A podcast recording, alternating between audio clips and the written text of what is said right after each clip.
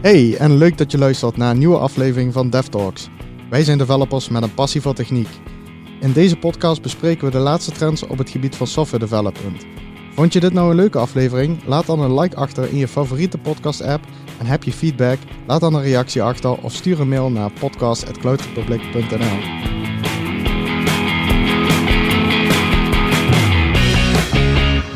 Hey, en leuk dat je luistert eh, naar deze 31ste aflevering van uh, DevTalks.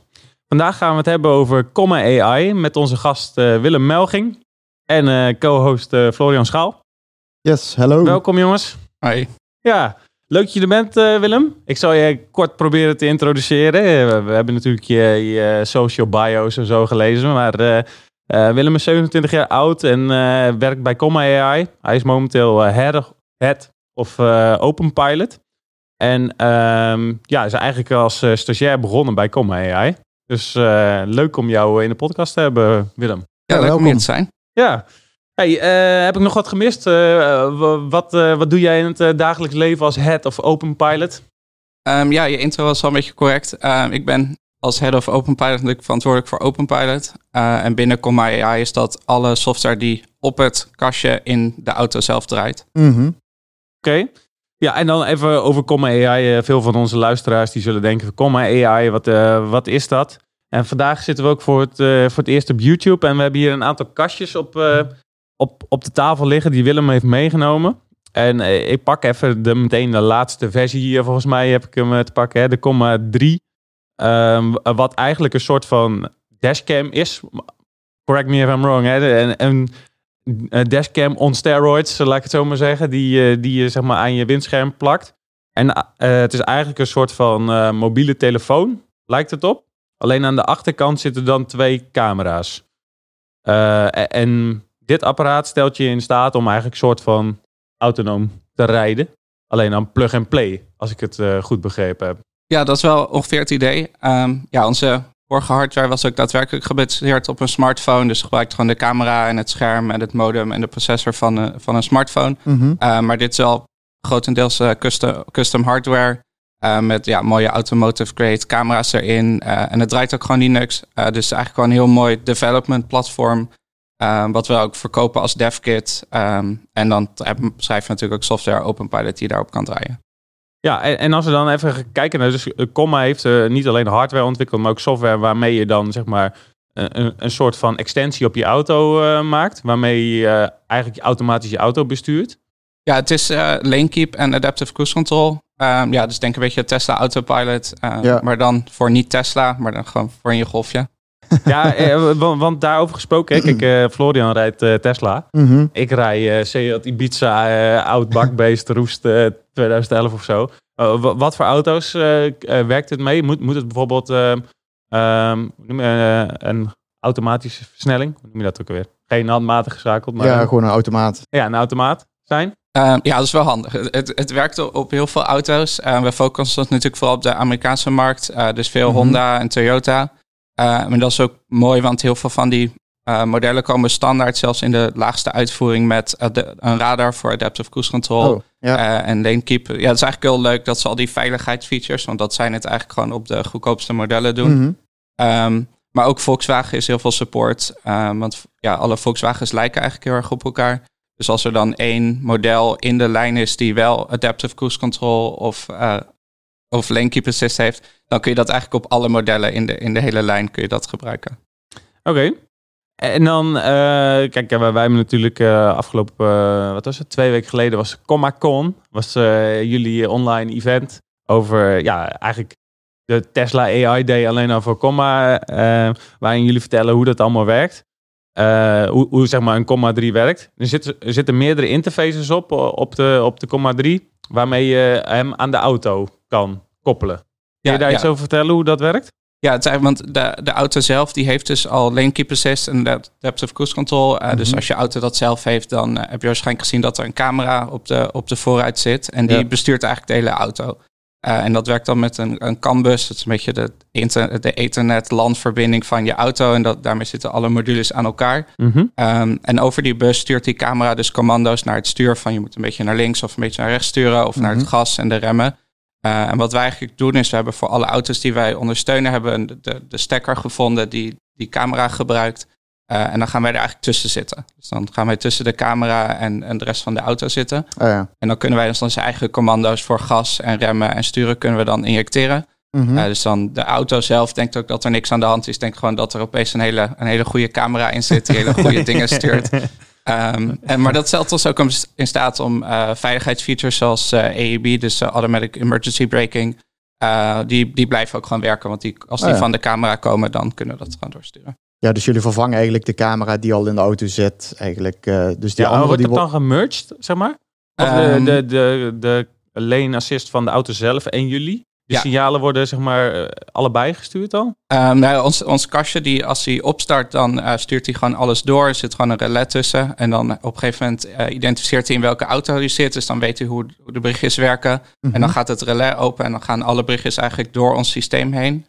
Um, dus in, in, in de Comma 3 bijvoorbeeld zit een, een Linux-computer, maar er zit ook een microcontroller die real-time code kan draaien. Uh, en die microcontroller is eigenlijk verantwoordelijk voor het doorsturen van bepaalde messages. Uh, en dan kunnen we ook zeggen, nee, deze lane keep message, die moet je tegenhouden van de camera en daarvan in de plaats sturen als eigen. Ah ja, ja, ja. Oké. Cool. Ja, nice. Hey, eh, dan even over comma. Eh, de, de president of de CEO, weet ik veel, dat is George Hotz. Dat uh, voor de developers die veel op het internet zitten, die kennen misschien die naam. Dat is wel een uh, bekende hacker eigenlijk van vroeger, toch? Ja, klopt. Ja. Met die de eerste iPhone jailbreaks heeft gemaakt en hij is nog in het nieuws gekomen dat hij Sony achter zich aan had, volgens mij, met PlayStation hacks. En uh, die is op een gegeven moment uh, een bedrijfje begonnen, Comma. Wat, Mhm. uh, wat dus als doel heeft, make driving chill. En uh, op zich wel een leuke slogan natuurlijk. hey, maar hoe, hoe kom je nou bij Comma terecht? Um, ja, ik, was, uh, ik ben begonnen met elektrotechniek uh, voor mijn bachelor. Dus mijn bachelor afgerond. En toen ben ik master systems en control gaan doen. Dus ja, control systems. Ja. Um, had ik mijn eerste jaar van mijn master afgerond. Maar ja, dat is vrij theoretisch natuurlijk. Dus dacht ik wil eigenlijk wel praktisch doen. Het hoefde niet van de studie, maar ik wilde eigenlijk nog een stage doen. Mhm. Um, en ja, ik had altijd al een beetje als droom om naar Amerika te gaan. Ja. Uh, dus dacht ik, nou ga ik een stage zoeken in zelfrijdende auto's in Amerika. Um, dus ja, heel veel bedrijven aangeschreven. En uh, nou ja, het is best wel lastig om daar een stage Ja. te vinden. Ja. Zeker als internationale student, dan moeten ze allemaal visum dingen regelen en zo. Ja, en Ja. op welke universiteit zat je dan? Op, Uh, eh, TU Delft heb ik gezet. oh, oké. Ja, die heeft nogal een goede naam op zich, maar het is niet Stanford of eh, MIT of zo. Dus eh, Nee, precies. De- maar goed, sommige bedrijven hoor je natuurlijk überhaupt niks van. Sommige bedrijven die, die gaan dan wel proberen, maar dat lukt dan niet. Um, sommigen hadden dan een, een, interview, maar dat sloeg eigenlijk helemaal niet op de control system positie. Mhm. En bij Comma was het eigenlijk, oh ja, we hebben gewoon een, een programmeertest. Uh, hier heb je, een, uh, van heb je een weekend de tijd voor. Um, en dat is eigenlijk gewoon een, wat videobeelden uit een auto. Dus eigenlijk van een, een Comma 2 opgenomen, zeg Ja. maar.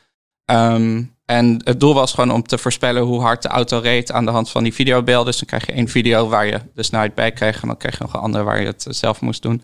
Um, dus ja, daar ben ik een weekend mee aan de slag gegaan. Ik dacht, nou ja, als het niet lukt, dan heb ik in ieder geval nog een leuk weekend uh, besteding. ja. Uh, dus ik heb dat opgestuurd. Um, en uh, ja, toen vond George vond mijn code wel goed. Dus toen had ik, uh, ik geloof een week later of zo, had ik een, uh, een belletje met George. Maar ik denk echt tien minuten of zo. En toen was het, nou is goed, kom maar. oké.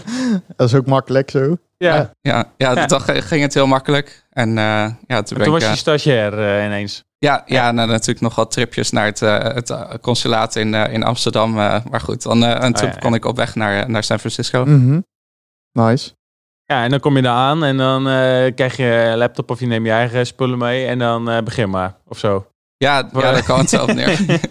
ja, het, uh, bij Com heb je wel mooie workstations altijd. Dus uh, wel mooi- ik kreeg een mooie computer. Mhm. Ehm, maar ja, ik kwam eraan. Het was een soort uh, ja, mansion, was het. Een soort huis in San Francisco. Ehm, ja, kantoor is daar onbetaalbaar natuurlijk. Dus dat Oh, is ja. een eigen, Ja. maar gewoon een groot huis. Ehm, ja, het was, ja, het was echt een start-up vibe, zeg maar. Zeg maar elke slaapkamer stonden 3D-printers en, en computers en zo. En, Cool. Ja. Maar ja, was gelijk in diepe gegooid. Uh, dus Ja. ik werd toen onder uh, Ricardo, dat was een beetje de, de head of Open Pilot toen, zeg maar. En ook controls. Mhm. Het was zo, ja, maak, maak maar beter.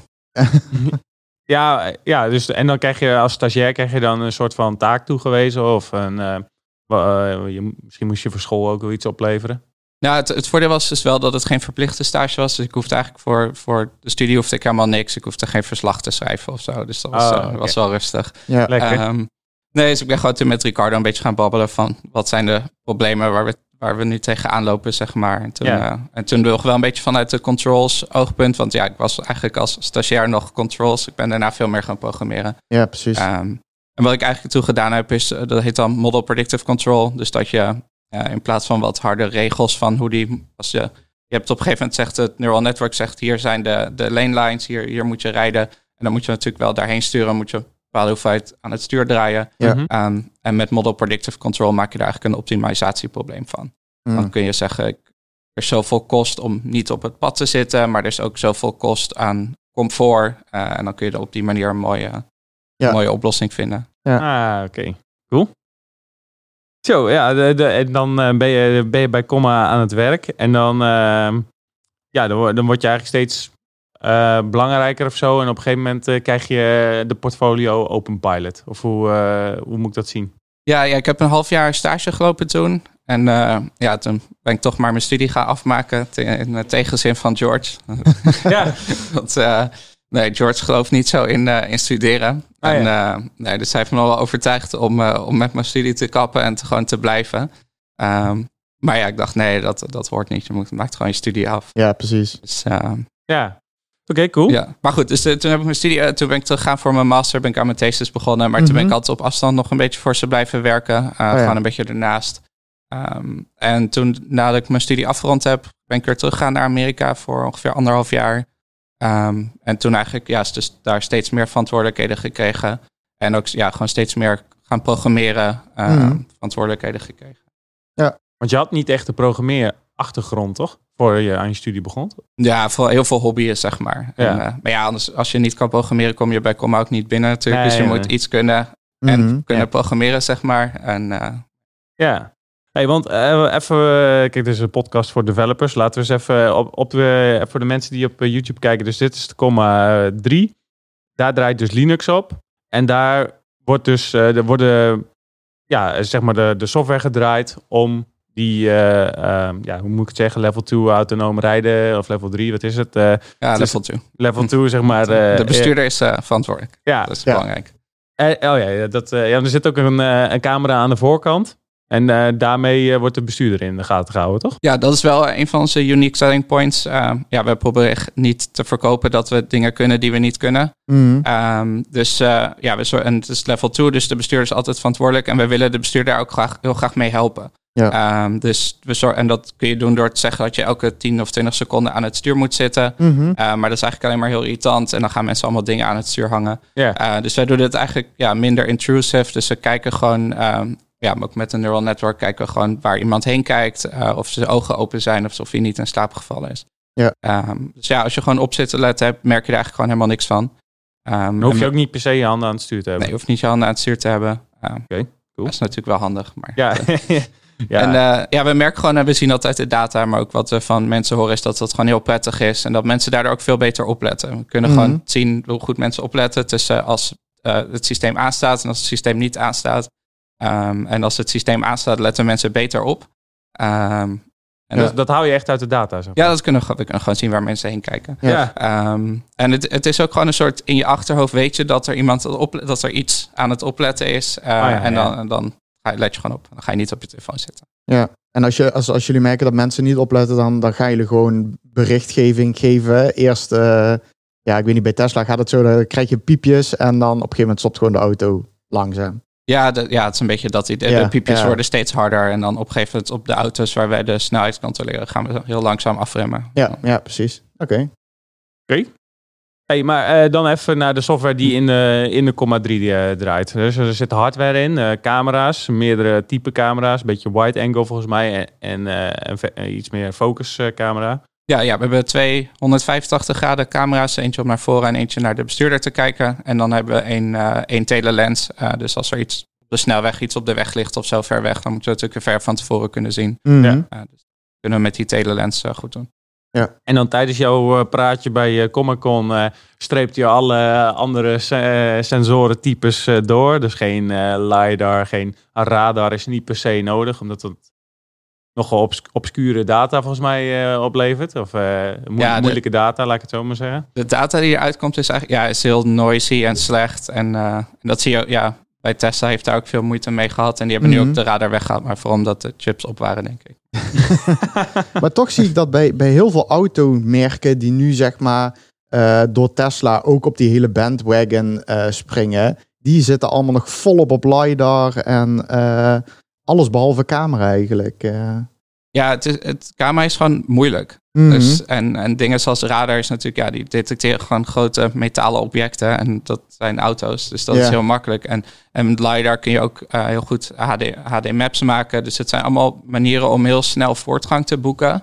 Ehm, maar ja, ik denk dat dat een beetje de, de hele zelfrijdende auto-industrie is. Dat mensen willen heel snel voortgang boeken om Mhm. andere mensen te laten zien dat ze goed bezig zijn. Ehm, alleen daardoor gebruiken ze allemaal methoden die niet schalen. Ehm, en dan op een gegeven moment loop je gewoon vast. ja. En dan ja. heb je, zit je met je LiDAR, maar ja, dan, dat gaat het probleem niet oplossen. Dat heb je gebruikt om resultaten te laten zien en dan zit je vast. Mhm. Ja, ja. dat is de, de hack waar, waar, waar je dan afhankelijk van wordt. En dan uiteindelijk krijg je niet de vloot werkend. Zeg Ja, maar. ja. Ja, en alle edge cases en zo. En dat, ja, Ja. en dat is nu ja, met camera, zeg maar. Uiteindelijk moet je gewoon, die, die radar heeft zoveel noise en edge cases. Dat, eh, en dan gaan mensen, ja, gewoon autofabrikanten kunnen die gewoon uit, uitfilteren als die dan niet, die stoppen ook niet als er iets stil ligt op de weg. Maar ja, dat neemt niemand ze kwalijk. Maar Ja. bij Tesla is dat dan wel een probleem natuurlijk. Ja, Ja. ja. ja, ja, ja. Zeker. dat kennen we nu van die onderzoeken in Amerika ook en zo. Ja. ja. Hey, maar eh, dan, dan heb je dus een set van inputs. Eh, dus een camera is je hebt een primaire bron. Je GPS heb je volgens mij nog. Er zit een soort van eh, apparaat in wat de snelheid eh, volgens mij kan meten. Ja, we- of de ja, versnelling. Ja, we hebben, dus, we hebben dus drie camera's. We hebben een GPS, we hebben een IMU, dus dat is een accelerometer, een eh, gyroscope en kompas. Ehm, Mhm. en eigenlijk met die dingen kunnen we dus heel precies zien hoe de, de auto zich door over de weg beweegt. Eh, en dat is tijdens het rijden handig, maar ook heel erg handig tijdens eh, het trainen van de neural networks. Eh, want dan kunnen we uit die data kunnen dus halen hoe de auto gereden heeft. Ja. Ehm, En tijdens het rijden kunnen we, dat, ehm, kunnen we dat bijvoorbeeld gebruiken om te zien hoeveel grip je banden hebben, hoe het sturen werkt.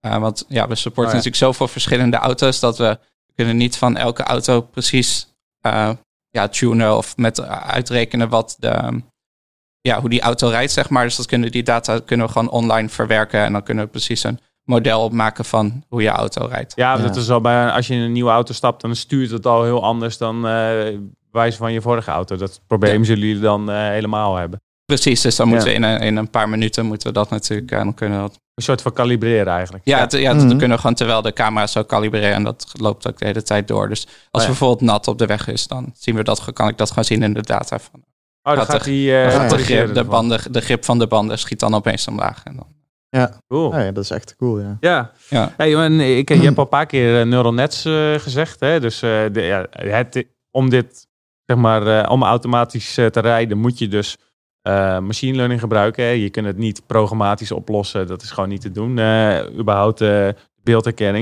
Hoe, hoe werkt dat, zeg maar? Je hebt, een- je hebt, je hebt een camera feed. Je hebt een IMU feed. Je hebt een GPS data, et cetera.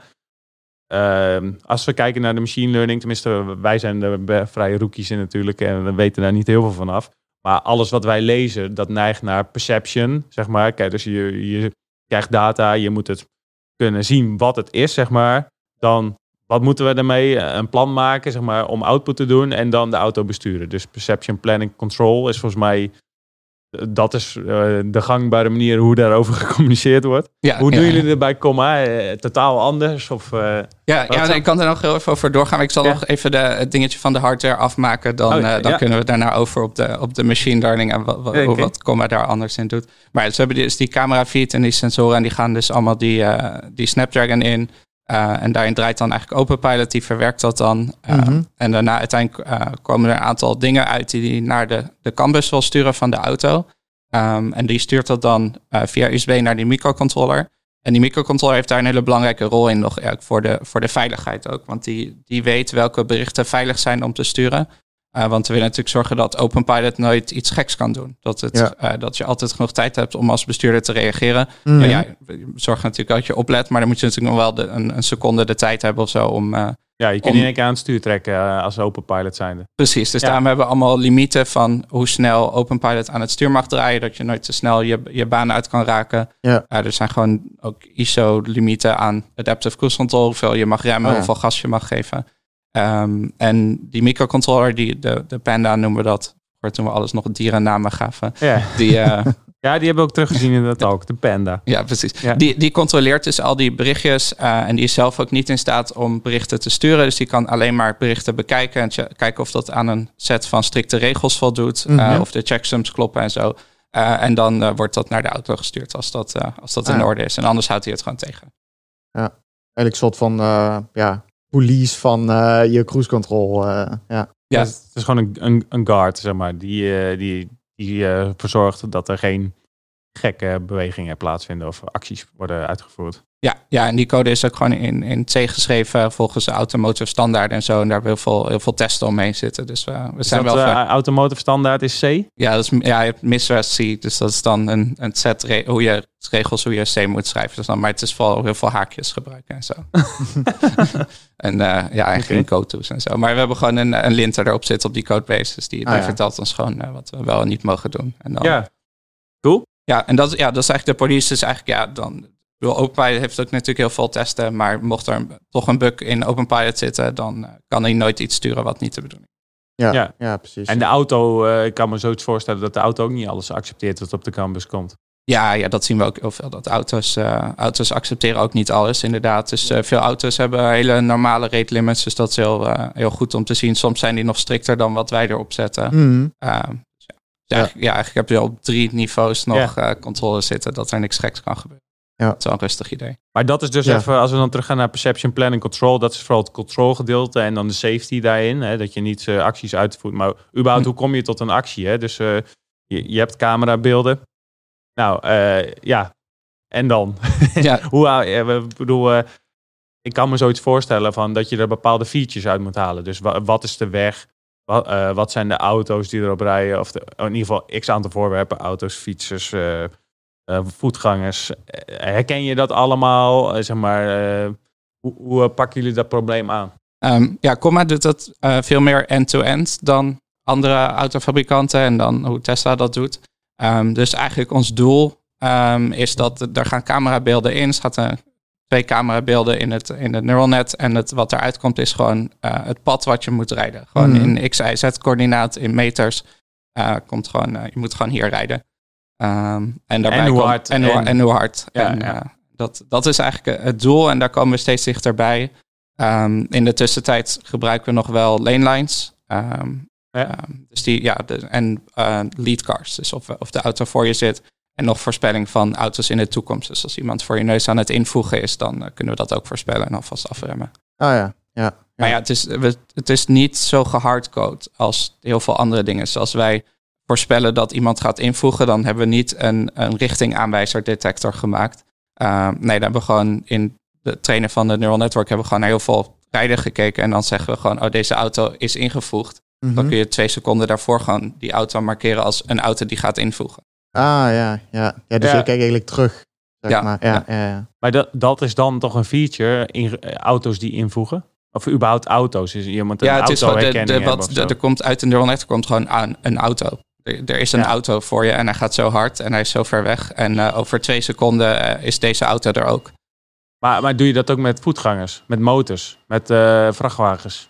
Ja, dat, dat is een beetje. De, ja, die, die dingen vallen allemaal onder auto in principe. Eh, en dingen zoals voetgangers, dat wordt meer het end-to-end verhaal. Waarbij gewoon het pad met de snelheid eh uit komt rollen. En die, ja, die, die stopt ook. Dat zie je nu bijvoorbeeld al. Het is, ehm, ja, het is nog een beetje work in progress Ja. natuurlijk. Dus het werkt nog niet altijd. Maar je Ja. ziet gewoon als je op een rood stoplicht afrijdt. Dan zie je gewoon dat het pad afgekapt is. Op de plek waar het stoplicht staat. Terwijl niets in wat wij in onze ground truthing zit. Iets met stoplichten. Het- enige wat hij doet is kijken hoe mensen rijden. En nou, mensen stoppen voor rode stoplichten. Dus ons pad stopt voor rode stoplichten. Ah ja. Maar ja, oké, maar dan even want daarop in. Het is wel heel interessant. Dus alle machine learning eh, talks die wij zien, hè, is eh, we hebben data, cameradata, we annoteren met bounding boxes een, eh, een stoplicht. Eh, rood is, eh, geven we een status aan. Dat gaat als feature, zeg maar, als soort van inputbron in je neurale netwerk. Of in je plannings eh, gedeelte van je neurale netwerk, volgens mij. En daar ga je dus een beslissing op doen. Maar bij jullie zit dat impliciet in het neurale netwerk. Dus hij herkent dat zeg maar zelf. Ja, ja, want ja, ons idee is ook als je dat, aan dat soort dingen gaat beginnen, dan zou je dus een lijst moeten maken met: oké, nou, Ja. welke dingen zijn relevant voor autorijden? Mhm. Van welke dingen moeten we, moet ons neural network gaan voorspellen? Eh, en dan moet je daar dan bovenop weer een planner gaan bouwen, zeg maar. Ja, En ons idee is, weet je wel, als je die lijst gaat maken, dat dat nooit ophoudt. Uh, Ja. En dat zie je ook als je naar talks van Waymo kijkt en zo, want die bouwen dan een autodetector. Um, en dan bouwen ze een politieautodetector, want dan ja, moet je anders gaan reageren. En dan Mhm. hebben ze een politieauto met open deur detector. En dan hebben ze een politieauto met open deur met, uh, met pilon op het dak detector. Ja, ja. En uh, ja, Ja. ja. Het, het houdt je bezig. Maar dat, en hun idee is een beetje dat, en van veel andere bedrijven ook, is dat dat ooit ophoudt. Dus dat ze denken, ja, ja nog even dit toevoegen. En dan voegen we, dat, dan voegen we wat regeltjes in onze planner daaraan toe. Mhm. En dan hebben we het kind, en dan hebben we het kind met de bal en de kind zonder bal. En de, en de man Ja, met de nee. fiets en de man met de Ja. fiets met de boom. En uh, ja, dat houdt dus, en, maar ja, ons idee dan moet is je dat soms dat ook herten en, uh, en beren en uh, weet ik veel wat op. ja, uh, precies. Het houdt nooit op. Ja. En, en ons idee is door dat, ja, dat dat dus, omdat dat nooit ophoudt, dat je daar gewoon eh, helemaal niet aan moet beginnen. En Ja. dat je uh, en die tussenlaag, die, die dus al die features heeft, uh, dat je die niet zelf moet gaan kiezen, maar dat je gewoon de machine learning moet laten kiezen wat er eigenlijk in zit. Ja, ja, ik kan me voorstellen, want jullie zijn ook niet. Kijk, zo'n Waymo die heeft natuurlijk eh, duizend mensen in dienst die constant de hele dag gaan labelen. Eh, jullie, ja, jullie zijn eh, volgens mij met 15 mensen of zo, dacht ik. En ja, jullie kunnen niet de hele dag gaan labelen, want dan komt er niks meer aan development uit. Dus jullie, als ik het goed begrijp, focussen jullie meer op behavior. Dus wat doet iemand als er een pion op de weg staat? Dan er staat een pion, dus nu moet ik remmen. Ja, Ja. ja. en da, da- daar maak ik ook wel een goed punt van. We zijn natuurlijk een heel klein bedrijf en ik denk dat het ons altijd geforceerd heeft om goede beslissingen te nemen. Ja, Van, precies. eh, het is natuurlijk als je duizenden mensen in dienst hebt, is het heel aanlokkelijk om te gaan lopen labelen. Mm. Uh, en dat is korte termijn winst. Uh, als je ja, aandeelhouders hebt of mensen dingen al beloofd of verkocht hebt, dan is het natuurlijk heel fijn om die korte termijn progress te maken. Uh, en wij zeggen, ja, we staan met z'n 15, dan gaan toch niet uh, dingen lopen labelen. En we, ja, ja. en we kunnen niet die lijst gaan maken. En dan, ja, ja. snap ik. Ja. Ja. ja, maar Dus, ben je ook echt van overtuigd dat je het niet nodig hebt? Ja, ja, ik, de- ik Ja, ben, ik volledig van overtuigd dat het niet nodig is. En, maar ik denk dat wij dus het voordeel hebben dat we, ook al zouden het willen, dat, het niet, dat we altijd weer aan herinnerd worden als we, ja, Ja. soms word je wel eens verleid, zeg maar. En dan denk Ja. je, nee, dat kan gewoon niet. Ja, ja, ja. Oké. Dus dat, ja, dat is wel een, ik denk, ja, een belangrijk Maar punt. eh, dan, dan even eh, qua trainen. Eh, zeg maar van neurale netwerken. Dus je, je hebt heel veel data van hoe, hoe personen rijden in bepaalde situaties.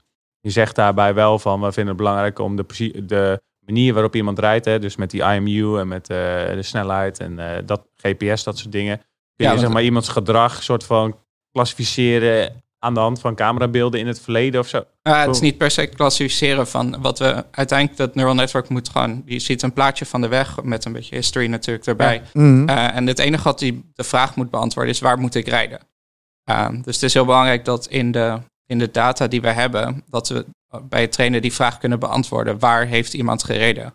Ehm, dus we moeten gewoon die, die positie, we hebben dan clips van een minuut. Ja. Eh, dat we over die minuut in alle omstandigheden heel nauwkeurig kunnen achterhalen hoe die persoon gereden heeft. Ehm, dus zeg maar gewoon de positie, de XI, de latitude, longitude, coördinaten en snelheden en rotationele snelheden van, van die auto, zeg maar. Ja, Ja. en er, er zit geen handwerk aan in principe. Nee, nee al, onze, al, onze al onze training, al het genereren van ground truth is, is geautomatiseerd. Zit, zit daar wel een soort van, eh, stel je krijgt clips binnen dat iemand echt als een maniak over die snelweg heen gaat. Dan, eh, die, die moet je er wel uitgooien dan, lijkt me. Ja, het, het, dat Of- is ook wel een interessante vraag natuurlijk van hoe de slechte bestuurders. Maar wa- wat wij zien, en dat is denk ik ook als dat alle goede bestuurders rijden op dezelfde manier goed. Maar alle slechte bestuurders rijden op een andere manier slecht. Eh, dus dat is in principe gewoon noise die eruit valt. Ja, oké, dus omdat je de gemiddelde rijder rijdt goed. Ja. Ja, oké, dat... eh, Nou ja, en dus op, op dezelfde manier, zeg maar. Het is duidelijk, de, het is duidelijk wat, het, wat goed gedrag is, maar er zijn zoveel, zoveel slecht gedrag dat dat gewoon een beetje in de, in de ja, en dat zie je niet terug in het eh, in resultaat van het eh, neural net. Nee, we hebben nog nooit gehad dat, dat, dat hij 200 wilde gaan rijden. Oké. Maar, oh, dus het is eigenlijk bij jullie gewoon waar moet ik rijden, hoe hard moet ik rijden? Dat is wat je... En is, is dat voor nu genoeg? Of is dat voor je, jullie missie genoeg? Zeg maar, eh, eh, ik kan, eh, volgens mij komt er ook een feature aan Navigate on Autopilot, toch? Ja, ja, maar ja, dat is meer een, een input. Want dan moet je de, de kaart en de route moet je in het neural net gaan stoppen. Maar ja, uiteindelijk wat eruit moet komen is nog steeds waar moet ik rijden en hoe hard moet ik rijden. Ja, misschien moet ik de richting aanwijzer aanzetten. Ja, Ja. ja. Ja, ja, ja. En inhalen en zo is, is- zit daar dan ook bij. Ehm, ja, uiteindelijk is dat natuurlijk wel het idee van we, zeker op de Comma 2 met de data die we hebben, kunnen we gewoon niet naast ons kijken. Dus we hebben nu, Mm. nu is dat iets wat we expliciet ook eruit moeten filteren. Want soms zou, anders zou het neural network zeggen, nou, ik denk dat ik nu wel een lane change kan maken. Uh, maar ja, Ja. daar heeft hij natuurlijk niet de, de, de camerabeelden voor om dat te zien of dat kan. Dus die moeten er dan uit. Ja, precies. Oké, ja, dus eh, de, de comma zoals die nu is, die gaat nooit zelf inhalen. Ehm, nou, in ieder geval niet met de, de oude data die we hebben. Maar het idee is wel dat nu met de Comma 3 dat we daar data mee kunnen verzamelen. En dan misschien nog wat met de, de dode hoeksensoren. Dat zijn ook gewoon radars in de, in de auto. Dat we daarmee genoeg om ons heen kunnen zien om dat veilig te doen. Ja, want ja, dat, is, dat is natuurlijk al handig. Want jullie grijpen natuurlijk in op de auto zelf. En die hebben natuurlijk al een set aan features. Dus jullie hoeven niet zelf bijvoorbeeld site-camera's aan te leveren. Ja. Want die zitten er ja, meestal wel al op. Ja, camera's zijn lastig om, eh, om daar de data vandaan te halen. Dus we moeten het wel een beetje met die radar doen en zo. Oké. Maar ja, we hebben nu met onze 180 graden camera die de auto inkijkt, kun je eigenlijk al best wel veel naast je kijken. Mhm. Uh, dus het is ook. Oh ja. ja.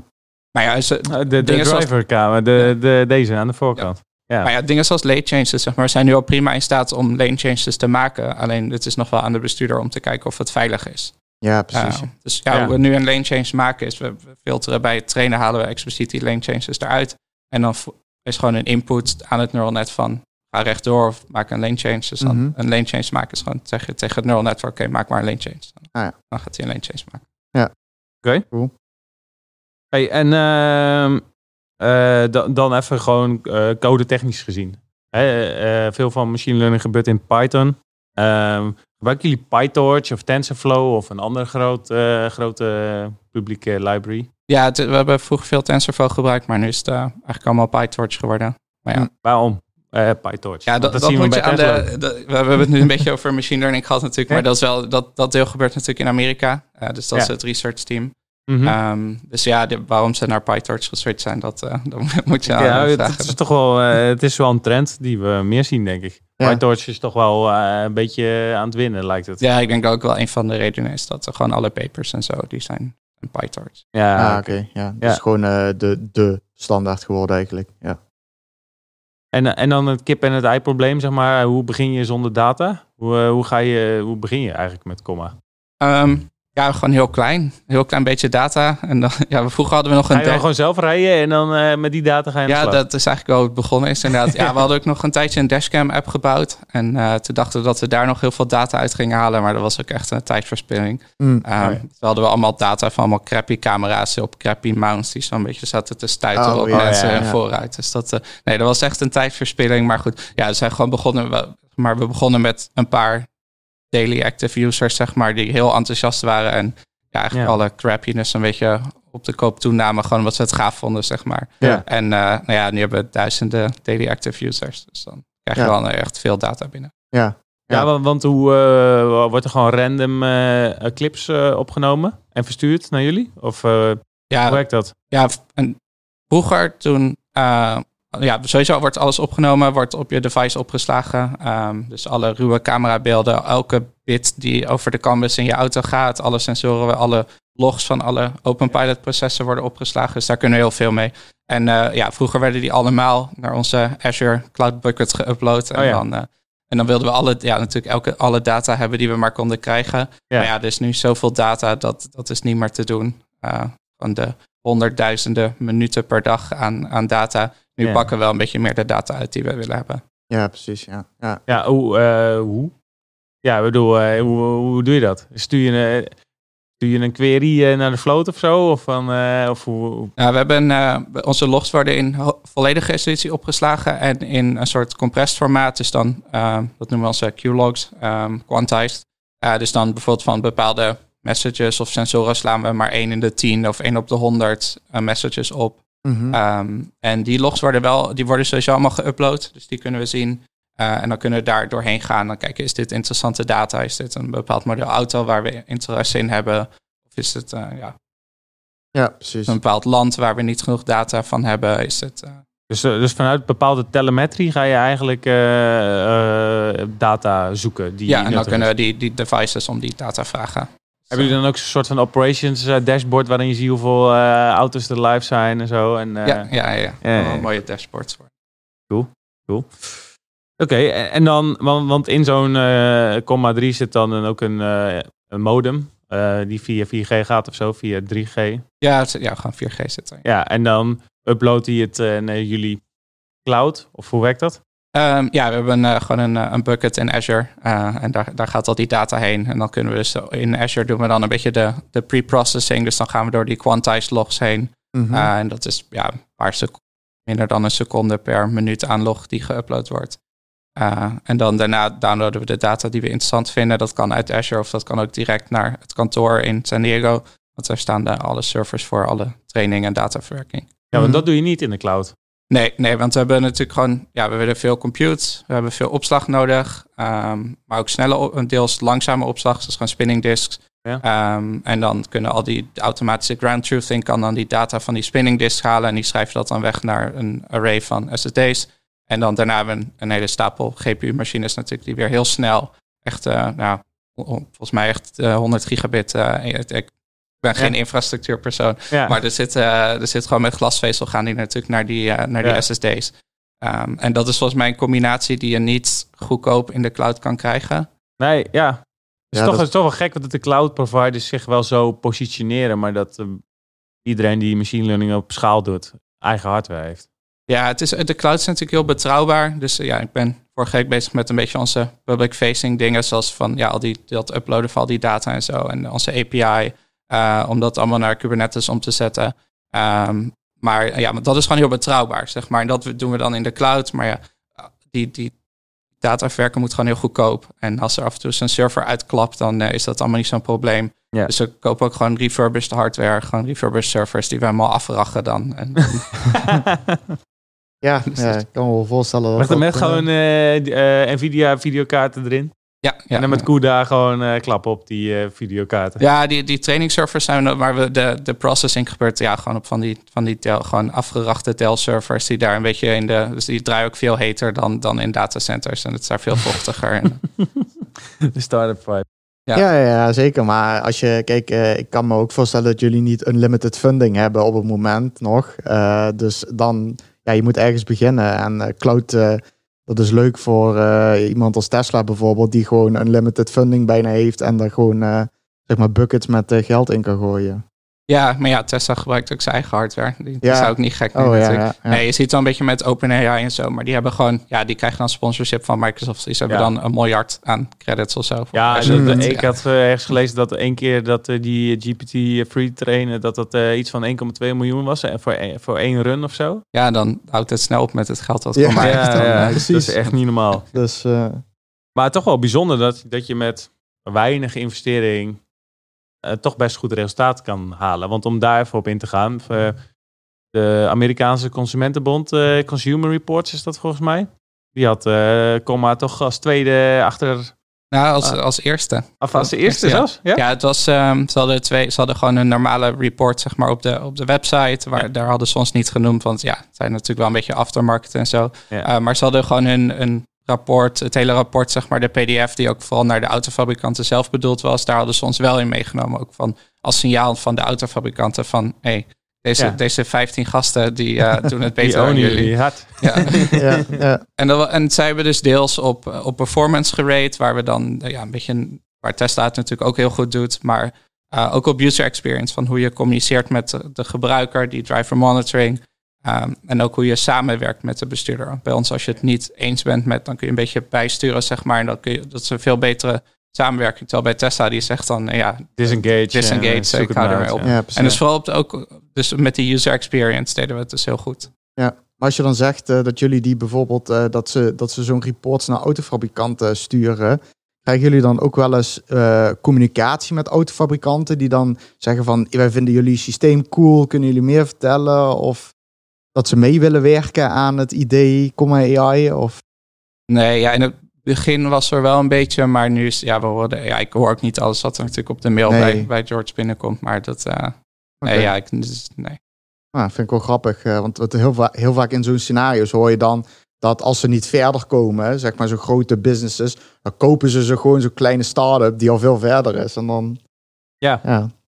Maar eh, blijkbaar eh, hebben ze nog genoeg vertrouwen het is in toch hun wel LiDAR. gesloten, eh. gesloten bedrijven zijn het vaak. Die het heel erg graag zelf willen doen, volgens mij. Ja. Ja. en die hebben zelf ook een aanpak. Want dat, ja, dat in het begin merkte ook al. Want dan praten ze dan wel met ons. Maar dan hadden ze eigenlijk al bedacht hoe ze het opgelost wilden hebben. En dan kwamen ze met een document Mm. van 60 bladzijden. Met alle dingen die wij moesten dan detecteren. Ja. Eh, en dan hadden ze, ja, hadden ze gewoon de 60, de, de herten en de, en de banken op de weg en zo. Ah, ja, ja, ja. En ehm, ja, en dan was het zo, ja, je moet een kastje maken, het moet tegen de ruit. Het mag maximaal 1,2 watt eh, gebruiken. En wat, ja, dat hebben we alweer aan de autofabrikant beloofd die dat kastje bij ons besteld heeft. Mm, Van, Ja. ja. Ja, die, die hele autofabrikanten werken gewoon helemaal met specs en met doosjes. En alles is een doosje met een spec.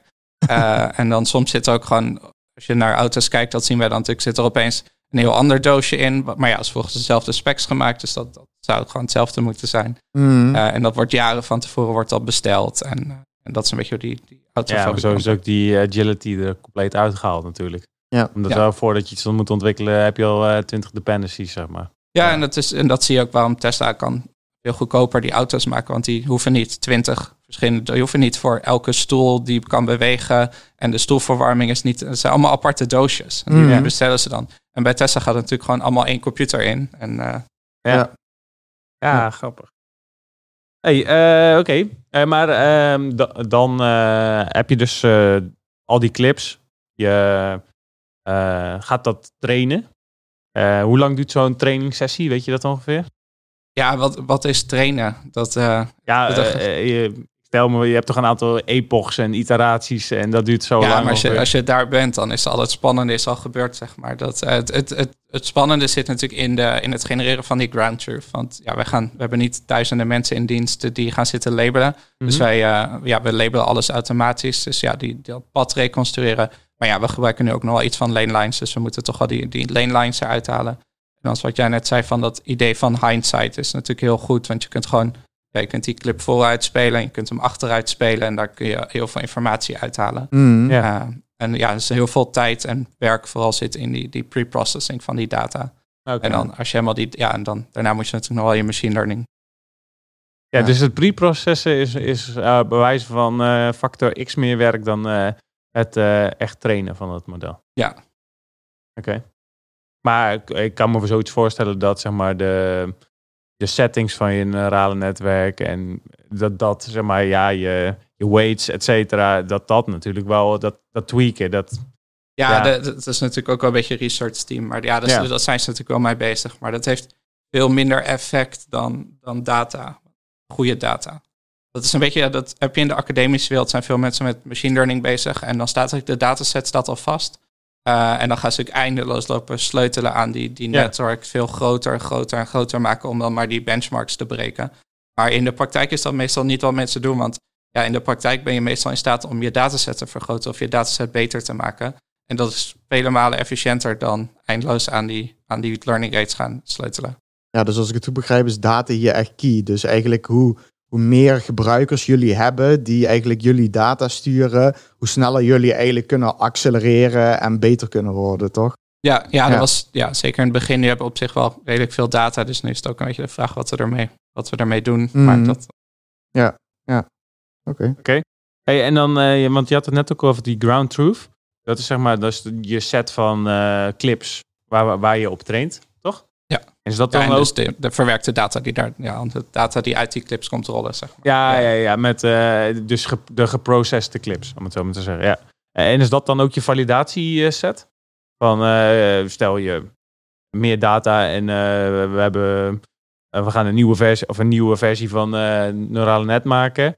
Hoe weet je zeker dat het goed is? Zeg maar. Heb je een soort van testset die je er doorheen haalt? Wordt er getest? Ehm, ja, dat is ook. eh, we moeten het ook nog een beetje over open pilot gaan hebben, natuurlijk. Maar Oh, dat is eh. ook wel research. Ja, ik, dat hebben we natuurlijk gewoon testen en validatie, gewoon de standaard. Denk natuurlijk. Oké.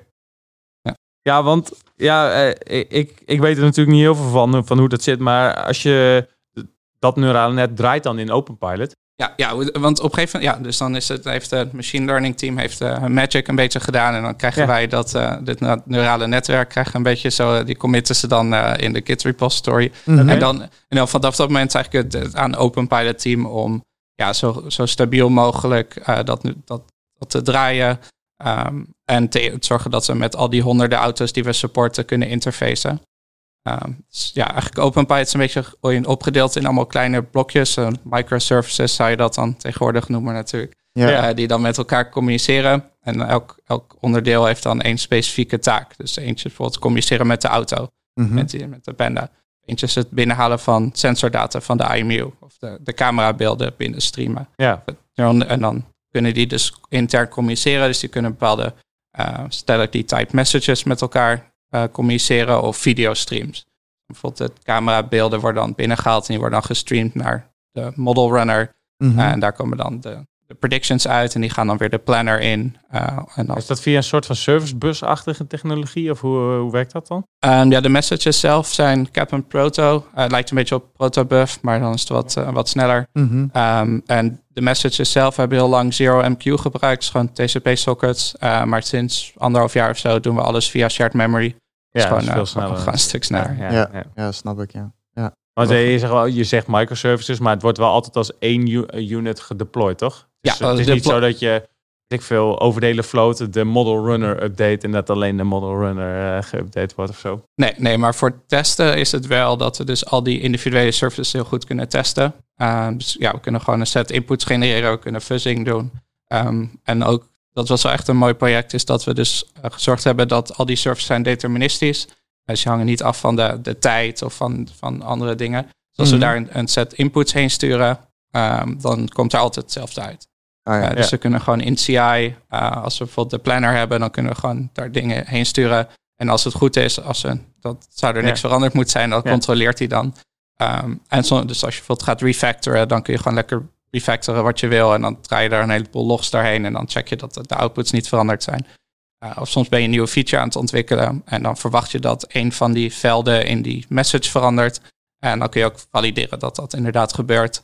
Uh, en dan kun je je gold standard van je output kun je dan updaten. Is dat iets dat jullie in, met unit testen dan uh, afdekken?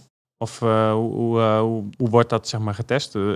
Ja, we kunnen dus we hebben dus die gold standard die dus uit ja? die service komt rollen. Dus we kunnen gewoon elk mes, dus dan draaien we gewoon die service voor op een zo'n clip van een minuut. En dat doen we voor een, alle auto's die we supporten. Oh, ja. um, en dan kunnen we, um, ja, dan kun je dus gewoon die, die messages met elkaar vergelijken. En als het goed is, zijn die gewoon bit voor bit gelijk.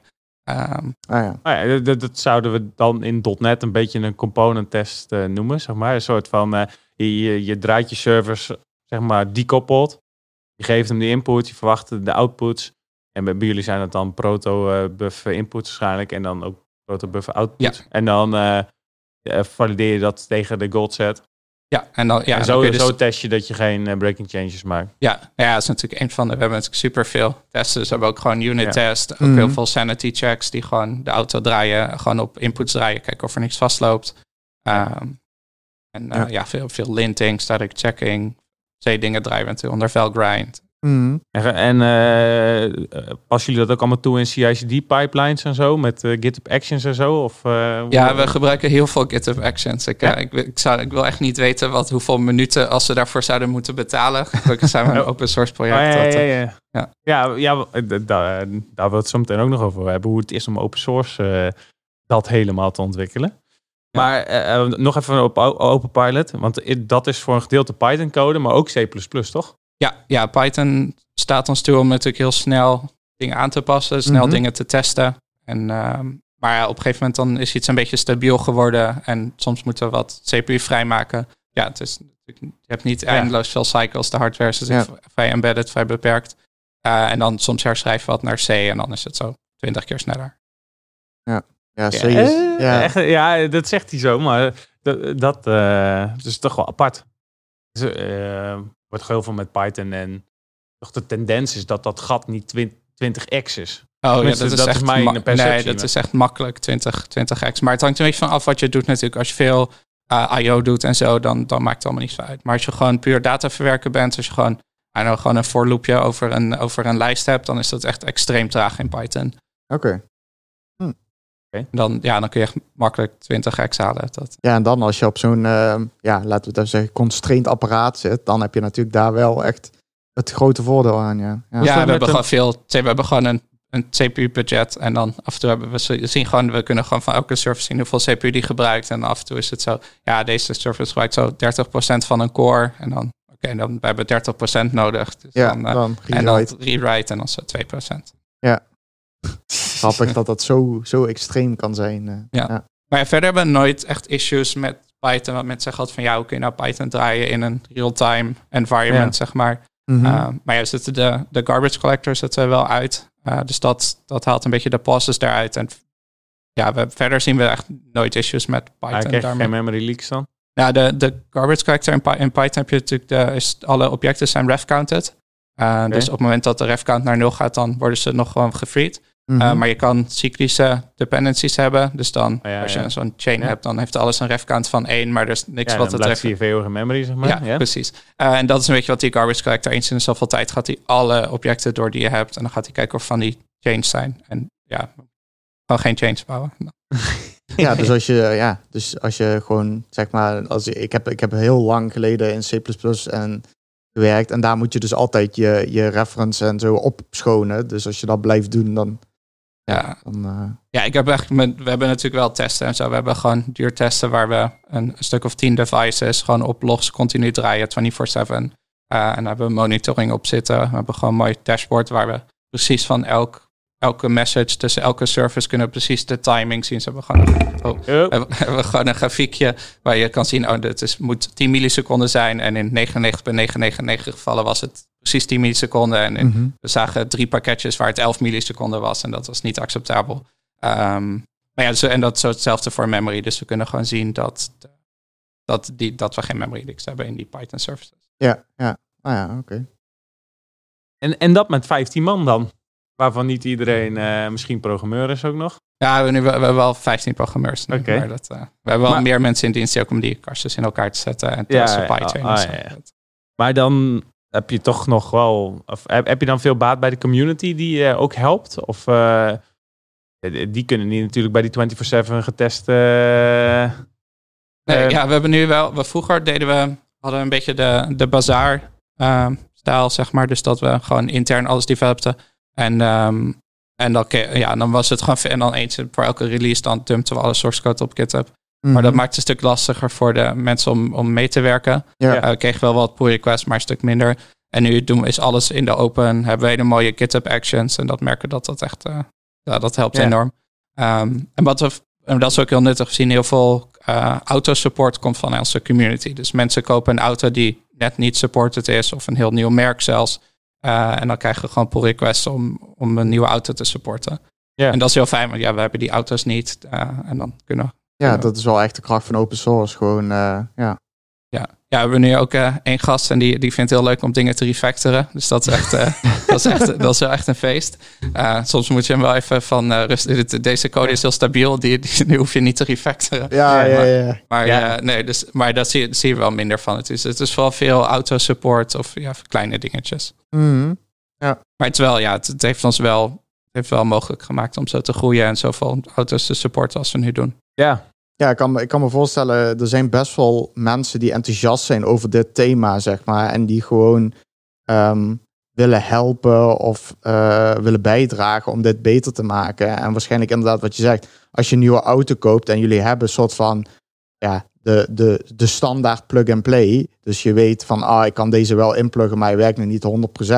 Dan kun je natuurlijk prima in een weekend even kijken van, uh, kan ik dit optimaliseren zodat die ja, beter werkt. Ja, een, een nieuwe auto support is meestal zo 10 regels code. En, ja, ja. ja. Uh, had, voor de Comercon had hij het uitgerekend voor alle auto's die we supporten, is dat we gemiddeld 45 regels aan, uh, aan code, regels code per auto hebben. Dus dan... Zo, ja. Nou, dat is heel, heel en, makkelijk. En dat zijn dan de, de, de berichten die zij hebben op de kan?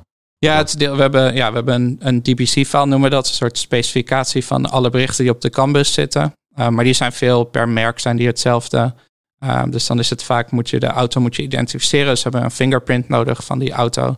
Dan uh, ja, vragen we gewoon wat firmware versies op van wat issues. En dan kijken of we die in de database hebben of niet. Ja, ja. Um, En dan, ja, vaak zijn nog een beetje quirks. Dus dan heb je een bepaald model wel, maar dan heb je dan de plug-in hybrid versie. En heeft dan het, het gaspedaal is dan natuurlijk weer anders. Ah, ja, ja. Ja, Ja. ja. Ja, dus eh, de, vooral de, het zijn eigenlijk gewoon settings dus. Ja. Ja, oké.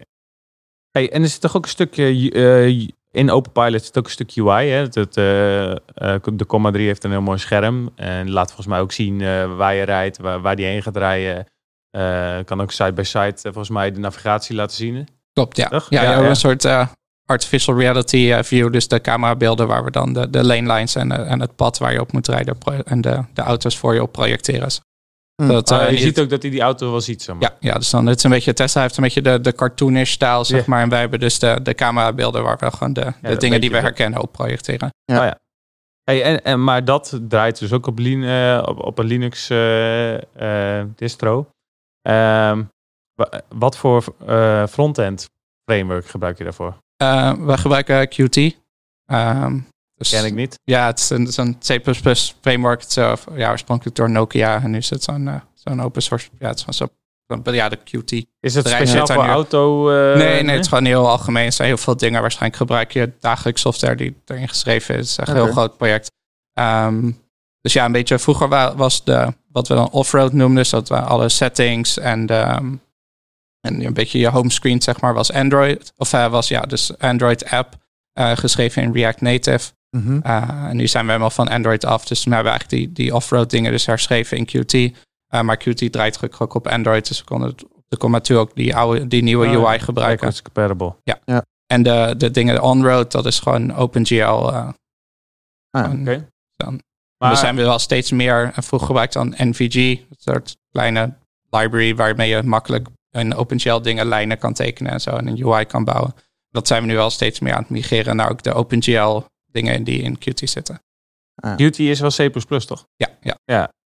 Lijkt me Hoe ook- is het om in, in, eh, frontends te bouwen? Kijk, je, je, eh, React Native, dat is echt gewoon super, super hoog in de abstractielaag. Dus JavaScript, eh, memory en zo, het boeit allemaal eigenlijk geen zak. Eh, je, je schrijft gewoon een beetje JavaScript en je hebt eh, snel een UI. Hoe is dat om dat in een eh, wat low-level eh, taal te hebben als C++? Ehm, ja, ik heb zelf nooit React Native geschreven. Ehm, maar ik heb wel het resultaat ervan gezien. En het was echt verschrikkelijk traag. ja, ja, dat, eh, dat is de downside vaak bij dat soort dingen. Van ja, je weet wel hoe traag Slack is natuurlijk op je, op je computer. Dus dan kun je helemaal bedenken hoe dat gaat als je het op embedded eh, dingen gaat Ja, draaien. ja, ben je blij Mhm. dat je geen MS Teams hebt dan? Want dat is nog trager. Ehm, nee, Qt is zoveel sneller. En eh, ja, ik denk dat het qua code schrijven... Onze, ja, onze UI is ook niet super ingewikkeld. Dus we hebben gewoon wat settings. Dan kun je een mooie base class voor maken voor een, een toggle class. En dan Ja. moet je die even in een lijstje zetten. Mhm. Ehm, en dus ook, ja, een open, je kunt dus ook gewoon OpenGL dingen inzetten. Dus voor die navigatie heb ik gewoon een gebruik gemaakt van de Mapbox OpenGL eh, widget. En die kun je er gewoon inzetten. Maar het lijkt me wel inderdaad eh, fijn. Ik weet niet hoe dat eh, bij React Native was eh, qua performance. Maar het lijkt me wel fijn eh, om ook aan de user te laten zien. Dat is ook een stukje confidence. Dat als hij rijdt, dat dat ook real, echt real-time gedrawd wordt, zeg maar. Want als je daar performance issues in krijgt, dat ja, ja, lijnen later komen dan dat in de werkelijke... over de weg. heen. Eh, eh, eh. Dat lijkt me niet echt dat je ja, confidence, zeg maar, uitstraalt. Ja, ja, dat is wel interessant inderdaad. Want als je een beetje de, de technische kennis van, van OPI, dat is alles die aparte services zijn, die ook gewoon de scheduling constraints hebben, zeg maar. Dus dan weet je dat de UI niks te maken heeft met het, met het rijden, zeg maar. Dus je Mm, kan ja. UI in het begin, toen we de 3 aan ontwikkelen waren, hadden nog wat driver bugs en zo. Dus dan ging de UI op een gegeven moment naar echt 2 fps of zo. Uh, maar ja, Oh, ja. het reed prima. Maar ja, ik Ja. natuurlijk superveel klachten over van, ja, dat ziet er niet uit. En Mhm. eh, wa- van, is nu al, gebeurt nu alle processing op 2 Ja, FPS, precies. zeg maar. En dan, ja. Ja. Dat- nee, het is wel belangrijk dat het een beetje soepel uitziet. Ja, ja, maar dat kan ik me voorstellen dat als je dan die switch maakt inderdaad naar C++, dat dat wel echt significant eh, performance improvement geeft. En, en dan eh, die, die eh, verschillende services in eh OpenPilot, als dan gedeeld in Python wordt geschreven, gedeeld in C++, hoe, eh, hoe, hoe eh, interfacen die dan met elkaar is? Of is die protobuf, eh, dat is gewoon zeg maar open, dat, hoeft, dat kan je gewoon ge- tussen C++ en Python gebruiken? Ja, ja we gebruiken Cap en Proto, maar het lijkt een beetje, en lijkt een beetje op elkaar. Maar die hebben gewoon Python libraries en C++. En, dus ja, dus al die, die we hebben dus wel mooi die, die scheiding die dus over die message bus gaat. Ja. Uh, en dan kun je dus gewoon je Python service kan gewoon interfacen met een C++ service op die manier. Oké. Hm. Oké. Zo, ja, er zijn natuurlijk duizend en één dingen die, die we kunnen vragen.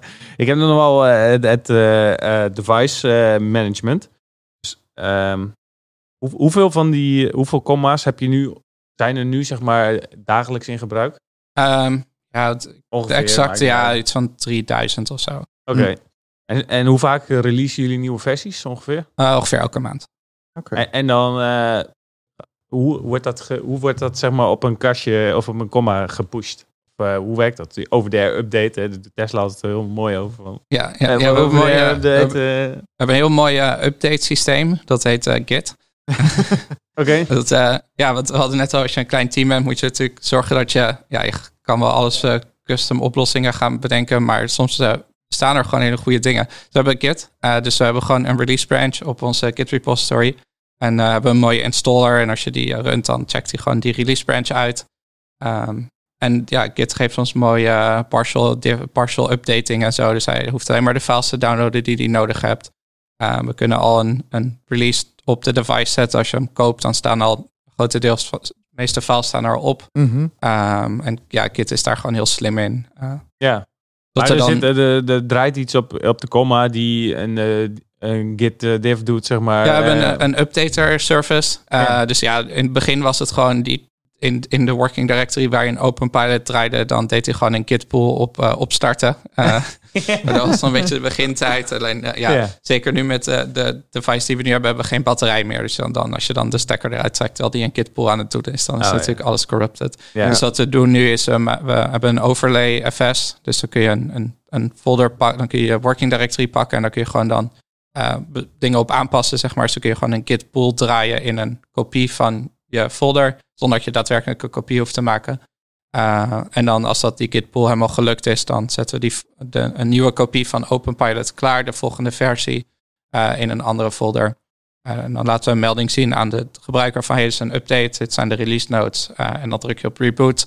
En dan in het opstartproces ziet hij dat er een nieuwe update klaar staat. En dan wisselt hij die folders en dan heb je een nieuwe versie.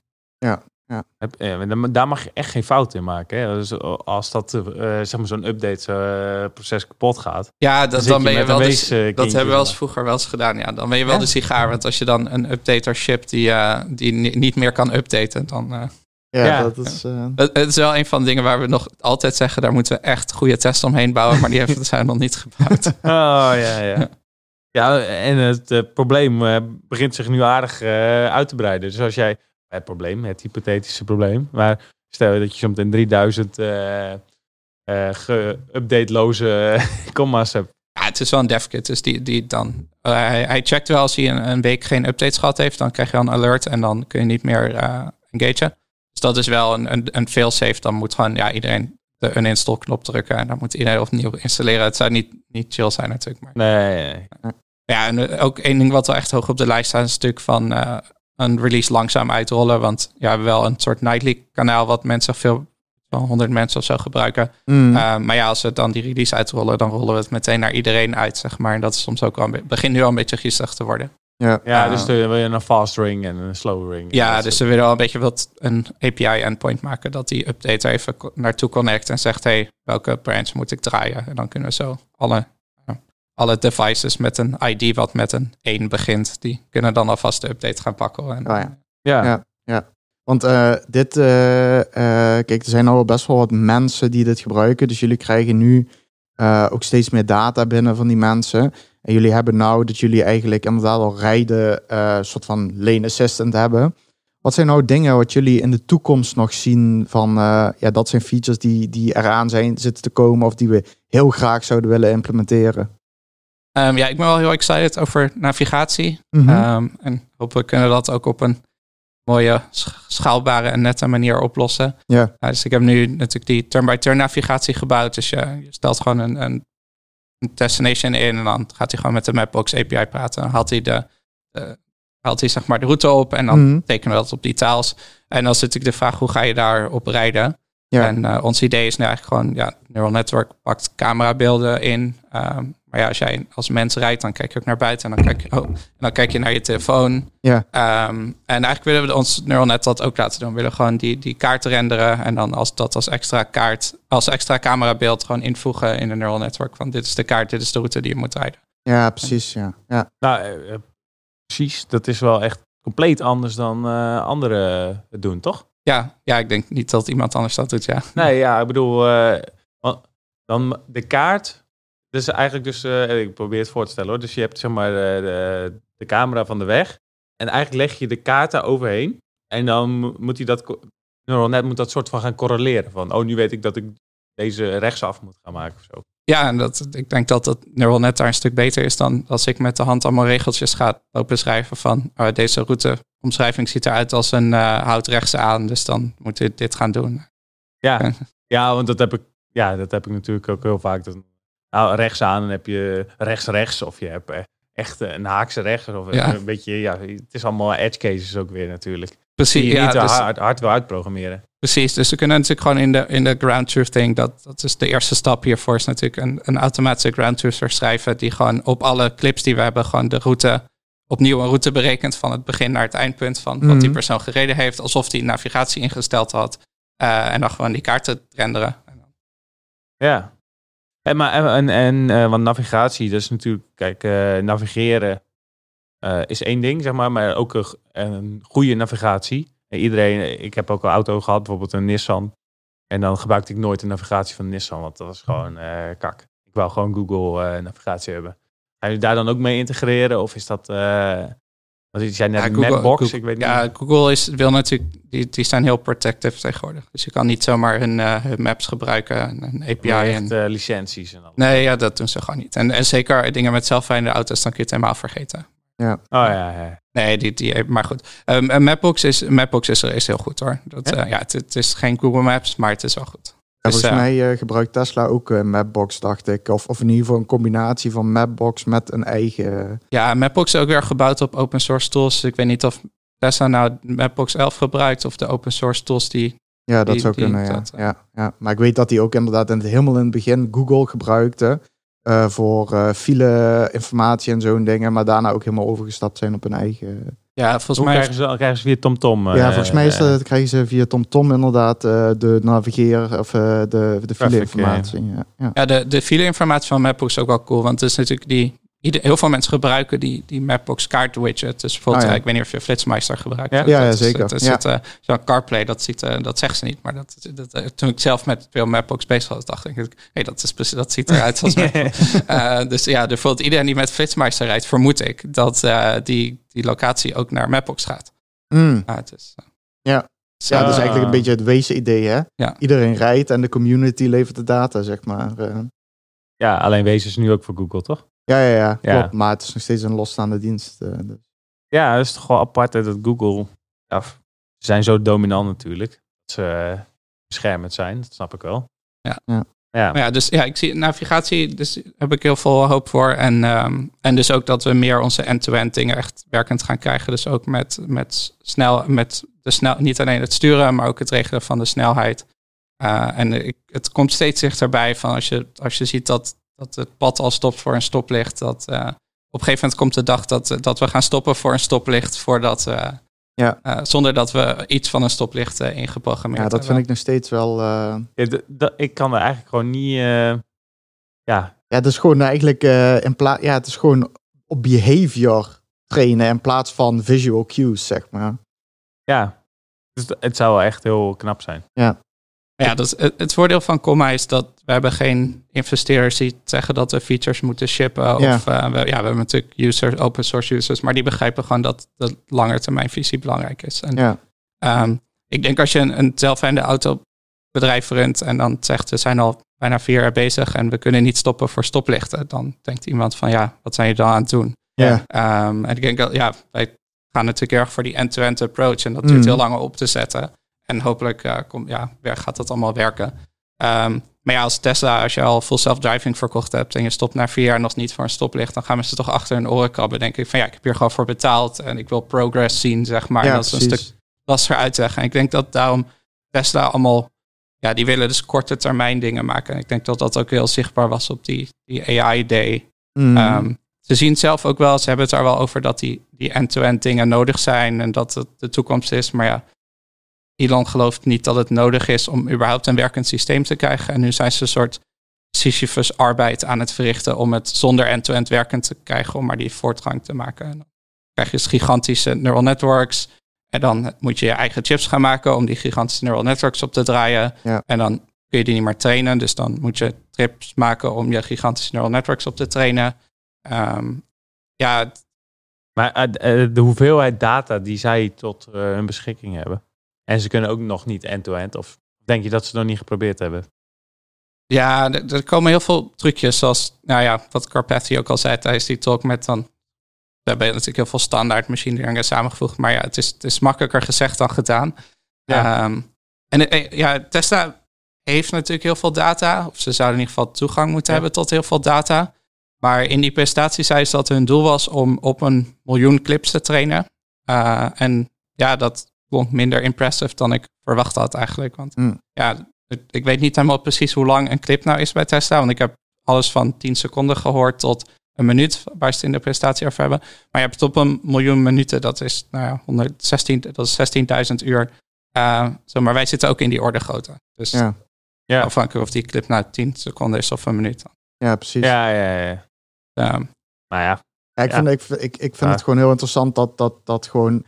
Je hebt de automerken die niet zo bekend zijn daarmee. En die gebruiken dan LiDAR. En die, die ja, doen maar wat eigenlijk. Om, om ook mee te komen met de hele technologie eh voortschrijdende bedrijven. En dan heb je Tesla die één route gaat. En jullie die zeggen van nee, dat moet echt behavior zijn. Ik vind het wel echt interessant dat, dat, dat er niet zeg maar één standaard is waar iedereen op hamert. Dat, dat, dat, dat nog zoveel ruimte voor improvement ook is, zeg maar. ja, Ja, ik, ik ben wel bullish op, op Tesla hoor. Maar het, zeg maar, als er een bedrijf is die het werkend gaat krijgen, zijn zij het ook, denk ik, als eerste. Hmm. Ja, ja, het is ook geen concurrent voor ons. Het is gewoon ja. Nee, ik kan me ook Waar jullie voorstellen. de iPhone zijn, zijn zij de, of eh, waar zij de iPhone zijn, zijn jullie de Android. Hè? Zo Ja, eh, zeggen ja. jullie dat ook. En ik denk dat Tesla zit ook. ehm, er zitten gewoon heel veel slimme gasten. En die zitten ook, die ze zich ook niet vastbijten op een bepaalde oplossing. Als zij op een gegeven moment zien dat ze dat end-to-end moeten gaan doen, als ze dus dat gaan doen, dan duurt het misschien wat langer. Terwijl misschien een, een Duitse autofabrikant daar wat minder flexibel in precies. is, zeg maar. Ja. Ja, maar end-to-end, kijk, het klinkt wel als een soort van eh, gok, laat ik het zo zeggen, end-to-end. Ja, eh, dat- zo, zo klinkt het. Hè? dat en ik is denk het ook, juist ja. dat die fabrikanten, die autofabrikanten, die zijn niet van gok nemen. Nee, Die willen alles gespekt en eh, die, die, eh, die maken liever een lijst van 10.000 objecten die je op de weg tegenkomt, dan dat ze... Ja, en dat heeft voor hen altijd gewerkt natuurlijk. Want ze konden hun auto's helemaal spekken. En zo, zo Ja. bouwen ze al 50 jaar auto's. En dit is denk ik de eerste keer dat ze een probleem tegenkomen wat Ja. niet te spekken is. Ja, Mhm, mhm. dat is wel echt cool. Ja, ik denk dat ook eh, zo'n zo'n bedrijf als Tesla jullie ook helpt om eh, eh, zoiets als self-driving of open pilot of autopilot nou ook gewoon gebruiksvriendelijker aan de gebruiker te presenteren, zeg maar. Want steeds meer mensen komen in aanraking met dat soort features. En die gaan dan zoeken. En dan, waarom is dat niet ja, voor die- mijn auto? En dan, Ja. kom maar AI. Die kunnen dan misschien geen Tesla betalen, maar dan... Ja. Nee, dus daarom is dat goed. Ik, ik vind het jammer dat Tesla niet meer inzet op driver monitoring, zoals wij dat doen. Mhm. Dat is gewoon, ja, gewoon een hele goede manier om te zorgen dat iemand oplet. Het is niet vervelend. Uh, Ja. ja. je rijdt Tesla, je, je kent Ja, het. ik, eh, ik moet zeggen, het, het, het begint. Ik heb de laatste tijd, hoe meer je daaraan gewend raakt, hoe, hoe meer je eigenlijk, zeg maar, ja, in zo'n chill-modus komt.